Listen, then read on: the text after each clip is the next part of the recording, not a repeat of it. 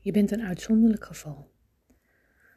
Die boodschappen kreeg ik gisteren tijdens een controlebezoek in het ziekenhuis bij de neuroloog. Als je me al wat langer volgt, weet je dat ik in 2015 de diagnose MS heb gekregen. En ondanks dat ik ervoor koos om geen medicijnen te gaan gebruiken, zei de neuroloog dat het verstandig zou zijn als ik wel één keer per jaar even contact heb om in ieder geval te laten weten hoe het gaat, een soort follow-up.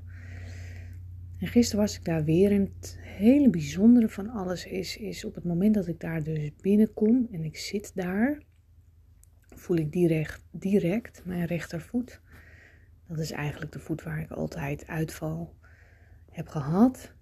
En daar ben ik in het dagelijks leven echt nooit mee bezig. En nu zat ik dus in die kamer met die neuroloog tegenover mij. En hij begon over allerlei onderzoeken die er waren geweest. Medicijnen die nu worden voorgeschreven. En ik voel echt in één keer mijn rechtervoet. En hoe bijzonder is het dus dat het effect van een omgeving, het effect van wat dat met je doet, het effect misschien ook wel van een arts, het effect van je denken, het effect van wat er tegen je gezegd wordt en wat dat dus ook direct voelbaar is in het lijf. Hij vertelde me iets opvallends, dat ze twee onderzoeken hadden gedaan in twee verschillende landen. En nou weet ik niet meer precies welke, dat doet er ook eigenlijk niet toe. In ieder geval in het ene land hadden ze ervoor gekozen wanneer mensen een MS diagnose kregen en dat bleek een vrij heftige variant te zijn met veel klachten, dan gingen ze die mensen direct behandelen met een hele heftige medicatie. En in het andere land kozen ze ervoor om dat niet te doen, dus om te wachten totdat er een volgende aanval was en dan pas te gaan behandelen. Toen hebben ze die twee landen naast elkaar neergelegd. En toen bleek dus dat het land waar de mensen direct behandeld waren met een agressieve medicatie, dat die mensen er beter uitkwamen. En hij zei tegen mij, nou ben jij natuurlijk een bijzonder geval. Hij zegt, want jij hebt ervoor gekozen om geen medicatie te nemen. En hij zegt, jij bent eigenlijk al jaren stabiel. En misschien zelfs wel vooruit gegaan. Althans, zo ervaar ik het zelf. Ik zei tegen hem, het lijkt alsof ik steeds meer kan. Alsof ik meer energie krijg.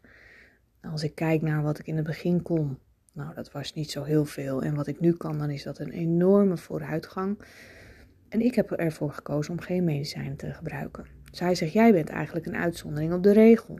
Hij zegt, maar je moet je goed afvragen wat je wil. Hij zegt, want wat wil je doen? Wil je het gaan monitoren? Dus wil je weer een MRI om eventueel te onderzoeken of er nog plekjes zijn die niet in het zichtbare naar boven komen, maar wel in het onzichtbare aanwezig zijn. En hij zegt, en als je daarvoor kiest, dan moet je ook bepalen wat je dan daarna wilt gaan doen. Wil je dan met medicijnen starten? Want ehm, dat is belangrijk in het nemen van je beslissing, zei hij. En dat vond ik dus een hele interessante. Ten eerste omdat ik me afvraag waarom ik een MRI zou doen uit angst. En het feit dat op het moment dat ik daar zit dat ik dus direct klachten ervaar in mijn lichaam. Dus ook wetende wat voor bijwerkingen, of dat nou placebo is of niet, het in ieder geval heeft om bezig te zijn, actief bezig te zijn met mijn diagnose, wat ik eigenlijk in het dagelijks leven nooit meer doe. Dus wat is het effect daarvan op ziekte?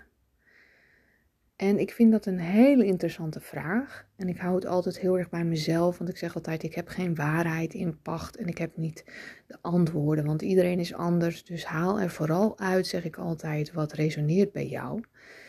En voor mij was het in ieder geval een hele, hele duidelijke nee. Hij zei ook nog van: Paula, als jij nu de diagnose had gekregen, hij zegt, dan hadden we je waarschijnlijk dus ehm, in één keer hele agressieve medicijnen voorgeschreven, omdat in de afgelopen jaren onderzoek is geweest waarin blijkt dat dat op de langere termijn effect heeft.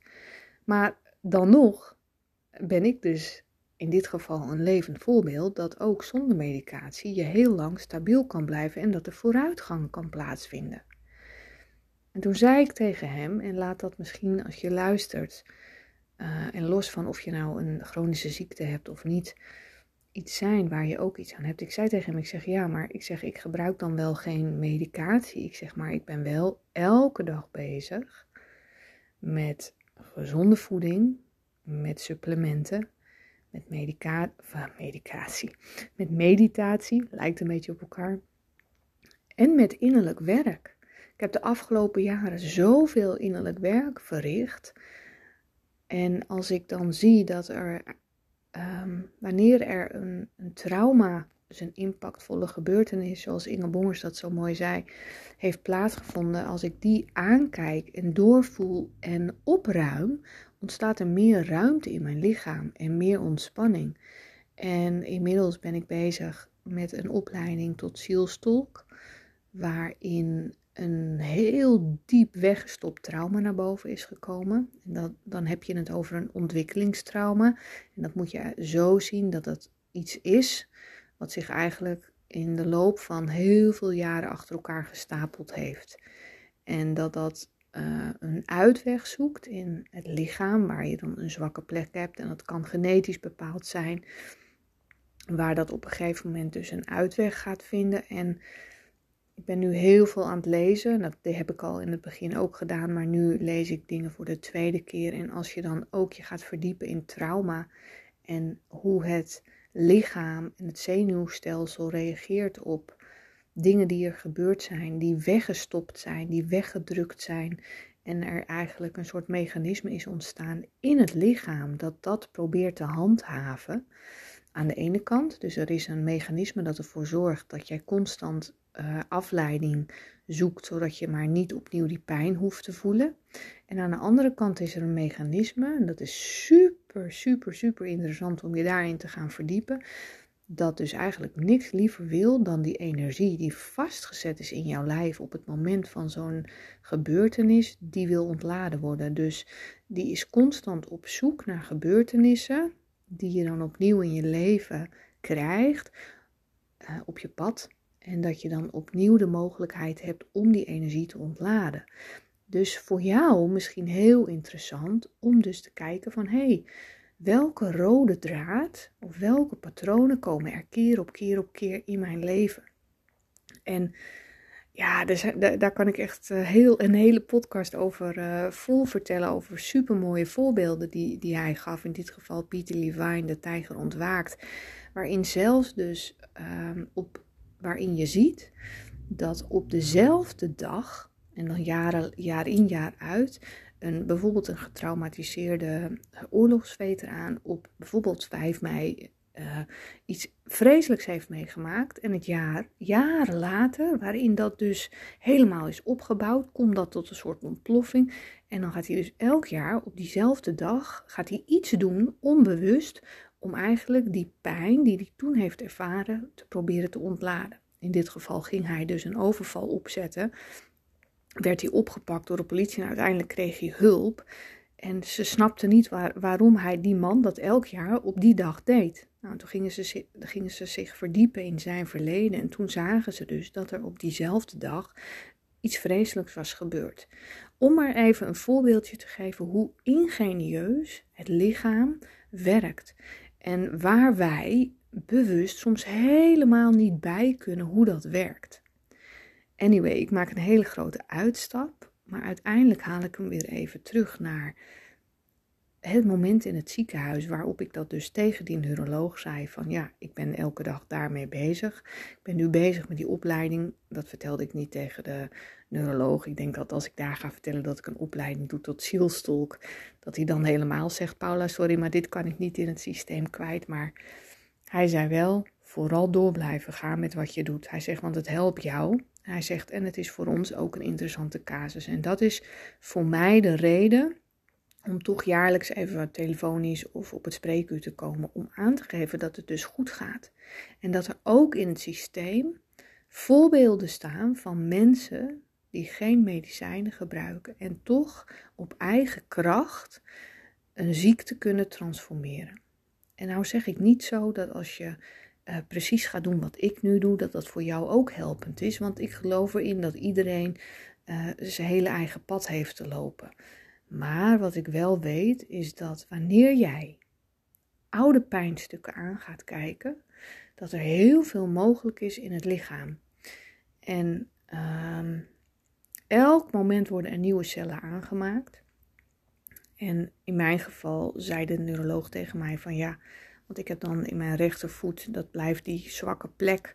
Mijn benen blijven mijn zwakke plek. En toen zei hij ja, maar daar zit daar gewoon een litteken op je hersenen. En in hoeverre litteken kan genezen, daar ben ik ook nog niet over uit. Ehm, maar goed, het is een mooi, ehm, mooie uitdaging. Zonder dat ik bezig ben met er moet iets anders. Want dan ga je heel erg vanuit tekort kijken. Maar meer gewoon vanuit oprechte nieuwsgierigheid. Van wat is er nog meer mogelijk als je meer en meer vrij wordt van uh, oude pijnen. Van oude kindstukken die nog in je leven. Van oude trauma's die misschien niet van jou zijn, maar zelfs nog van generaties daarvoor. Er is zoveel mogelijk. En ik vond het een mooi, mooi inzicht. Want eerst zat ik er een beetje met weerstand en wilde ik niet. Dacht ik, ja, waarom ga ik erheen? Maar wat ik net zei, ik vind het ook belangrijk dat er dus ook in het ziekenhuissysteem voorbeelden zijn van wat er ook mogelijk is. Omdat dat ook hoop geeft. En het feit dat ze dus heel veel onderzoek doen en dat hij nu tegen mij zegt van ja, als je nu was gekomen hadden, hadden we je waarschijnlijk meteen die zwaardere medicatie voorgeschreven. Dat vind ik aan de ene kant een, hè, is een mooie ontwikkeling dat ze nog steeds aan het onderzoeken zijn wat is er mogelijk om de ziekte af te remmen. Aan de andere kant is het ook mooi als er gekeken wordt wat is er nog meer mogelijk naast medicatie en wat past bij jou, welk pad past, bij jou. En um, ja, het is echt moeite waard om je te verdiepen in innerlijke kindstukken, in trauma, En um, wat wel daarin belangrijk is, vond ik een hele mooie zin, is. Uh, dat schreef die Pieter Levine ook in zijn boek. Hij zei: Sommige dingen zullen we nooit weten. Hij zegt: Ik heb zoveel dingen meegemaakt, wonderlijke genezingen met mensen die trauma hebben. En hij zegt: Dan dacht ik bij de volgende patiënt: Oh, nu gaat dat ook gebeuren. En dan gebeuren het niet. En soms weet je gewoon niet waarom dingen wel of niet gebeuren. Ik denk dat we dat ook gewoon moeten accepteren. Dat er dingen zijn die we nooit zullen begrijpen. En dat dat het niet weten, als dat een onderdeel wordt van het leven zelf, dan wordt het ook niet een, een moeten en het volgen van een stappenplannetje met het doelen behalen. Het is gewoon zoeken, kijken wat bij je past. En hij schreef ook wanneer je zelfonderzoek doet in het geval van trauma. En nou vind ik trauma een heel zwaar woord, maar gewoon, ik noem het maar zelfonderzoek. Zelfonderzoek van alles wat er nog in je mentale denken aan uh, oude overtuigingen liggen, maar ook in wat er in het lichaam is opgeslagen. En als je daar vrij van kunt komen, is dat zo ontzettend waardevol. Alleen hij zei, het vergt heel veel wilskracht uh, en geduld. En ik denk dat dat heel belangrijk is om mee te nemen. Dat je dus heel veel geduld ook mag hebben met jezelf. Heel veel compassie mag hebben met jezelf in waar je dan ook staat. En misschien heb je wel helemaal geen chronische ziekte, maar ik denk dat je het op elke situatie van je leven kunt neerleggen. En ja. En jij bent ook een uniek geval. Ik geloof daar echt in. Ik geloof dat elk mens uniek is en dat elk mens in staat is om heel veel innerlijke delen van zichzelf te helen. En dan bedoel ik dus niet dat het nu niet goed is, maar meer om vrij te worden, je vrij te voelen van niet werkende patronen, van geblokkeerde energie in het lichaam, waardoor het niet vrijelijk kan stromen, waardoor je dus vermoeid bent of waardoor je soms uh, zwaar denkt. En het is een hele mooie zoektocht.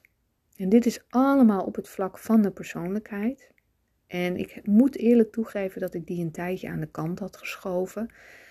Want wanneer ik bezig ben met meditatie, met eh, spiritualiteit, met bewustzijn, heel veel boeken aan het lezen over dagboek van een yogi, uh, meesters van het Verre Oosten. En dat gaat gaat zo ver in bewustzijn dat ik op een gegeven moment de overtuiging had dat ik, hè, als, je, als je eenmaal hebt ervaren, misschien heb jij die ervaring ook wel gehad, een soort eenheidservaring, dat je gevoeld hebt dat je niet je lichaam bent, heb ik toen dus de overtuiging gehad dat ik daar eigenlijk niks meer mee hoefde. Dus ik ben niet mijn lichaam en ik ben niet die overtuigingen. En ik, en dus ook als, ik ben toen naar Eckhart Tolle geweest, super mooi. En alles wat hij zei resoneerde zo erg. Dus zonder het denken is er geen probleem. Dus ik heb dat, als je helemaal in dat bewustzijn zit, dan is er ook helemaal geen probleem. En tegelijkertijd kwam ik er nu achter dat in het leven dat we leiden als mens, komen er dingen in je leven voorbij. En daar kun je voor kiezen of je dat wil aankijken, of je dat wil aanraken of niet. En vanuit dat bewustzijn dat je meer bent dan je lichaam, dat kun je meenemen in dat hele proces. Dus dan kun je de uitkomst loslaten. Maar dat is lastig als je in het denken zit, in het mens zijn stukje. Dus zelf worstel ik daar nog wel eens mee. En het lijkt dan alsof het een soort tweedeling is, maar dat is het natuurlijk niet. Dus volgens mij gaat het erom dat je dat beide met elkaar integreert. Dus dat bewustzijn wat steeds meer groeit. En dan het stukje mens zijn waarin je ook gewoon je uitdagingen blijft houden. En ik moet eerlijk toegeven dat ik dat mens zijn stukje wel eens veroordeeld heb. Dus dat ik dan, wanneer ik mensen Ehm, die bijvoorbeeld heel erg daarmee bezig waren en die ook hun menselijke worstelingen hadden, dat ik zoiets had van ja, maar als je dat niet eens op orde hebt, dan. Uh, maar dat is dus niet zo. Het kan allebei naast elkaar bestaan. Dus je kunt die eenheidservaring gehad hebben, je kunt dat al helemaal mentaal kunnen snappen. Misschien heb je het ook al gevoeld en misschien kun je er soms zelfs al leven. En dan besef je dus dat je nog steeds mens bent en nog steeds uitdagingen hebt. Dus het is een mooie reis en ik wilde een klein stukje delen vanuit ehm, ja, de persoonlijke stukjes waar ik op dit moment in zit. Misschien kun je er iets uithalen voor jezelf. En heb je vragen, stuur me dan gerust een mailtje of via Instagram of LinkedIn een berichtje. Dat kan altijd.